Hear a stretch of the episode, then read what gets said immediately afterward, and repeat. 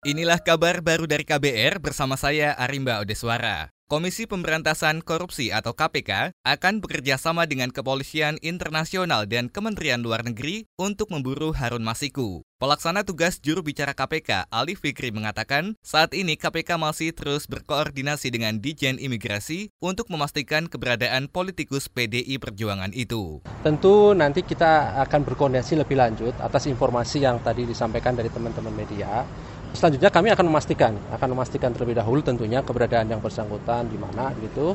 Uh, jika memang benar informasi tadi dari keimigrasian ada di luar negeri, tentu kami akan bekerjasama ya dengan lembaga yang ada di luar negeri seperti Interpol, tentunya kemudian Kementerian Luar Negeri untuk kemudian melakukan penangkapan yang bersangkutan untuk dibawa kembali ke Indonesia. Itu tadi pelaksana tugas juru bicara KPK Ali Fikri. Sebelumnya, imigrasi menyebut Harun Masiku berangkat ke Singapura sejak 6 Januari atau dua hari sebelum operasi tangkap tangan KPK terhadap Komisioner KPU Wahyu Setiawan. Harun Masiku menjadi tersangka suap terhadap Komisioner KPU Wahyu Setiawan terkait penetapannya sebagai anggota DPR terpilih melalui mekanisme pergantian antar waktu atau PAW.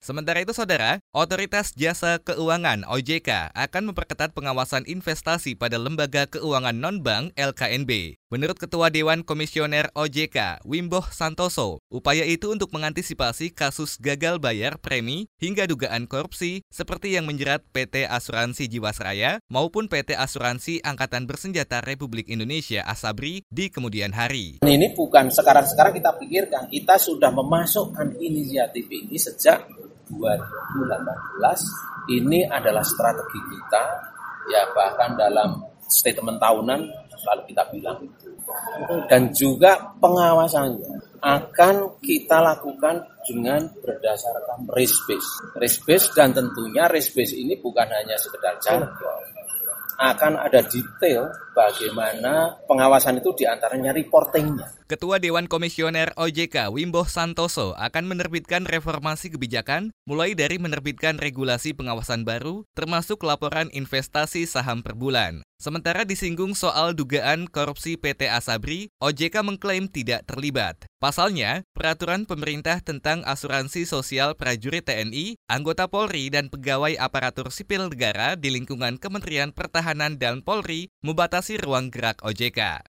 Kita beralih ke Papua, Saudara. Dewan Perwakilan Rakyat Papua mendesak Gubernur Majelis Rakyat Papua untuk mencari solusi bagi ribuan mahasiswa Papua yang kembali ke Papua pasca insiden ujaran rasisme di Surabaya, Jawa Timur pertengahan Agustus 2019 lalu. Ketua DPR Papua Joni Banwarau mengatakan pengambilan kebijakan di Papua harus segera mencari solusi demi kelangsungan pendidikan mahasiswa Papua itu. Itu adik-adik kita ya, generasi penerus pembangunan tanah Papua. Jadi kita harus datang dan dengar apa pikiran mereka dan kita harus mencari solusi. Saya pikir itu penting.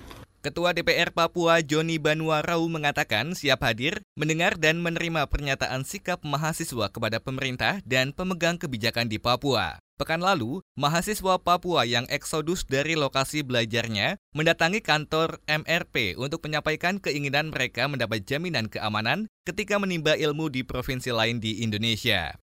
Kita beralih ke informasi mancanegara. Dewan Keselamatan Transportasi atau TSB Kanada membantu menyelidiki kotak hitam dan puing-puing pesawat Ukraina yang jatuh ditembak militer Iran. Insiden itu menewaskan 176 penumpang dan kru. Mengutip AFP, tim penyelidik asal Kanada akan membantu menganalisis percakapan dalam kokpit dan data yang terekam dalam pesawat, termasuk menyelidiki puing-puing pesawat di lokasi kejadian. Proses penyelidikan dari Kanada terutama menyoal kemungkinan rudal yang ditembakkan secara sengaja atau tidak di tengah meningkatnya ketegangan di wilayah tersebut. Iran akhirnya mengakui militernya tak sengaja menembakkan rudal hingga menjatuhkan pesawat Ukraina pada Rabu pekan lalu. Presiden Iran Hassan Rouhani juga berjanji akan menjatuhkan hukuman kepada pihak yang bertanggung jawab atas kesalahan itu. Demikian kabar baru dari KBR, saya Arimba Odeswara.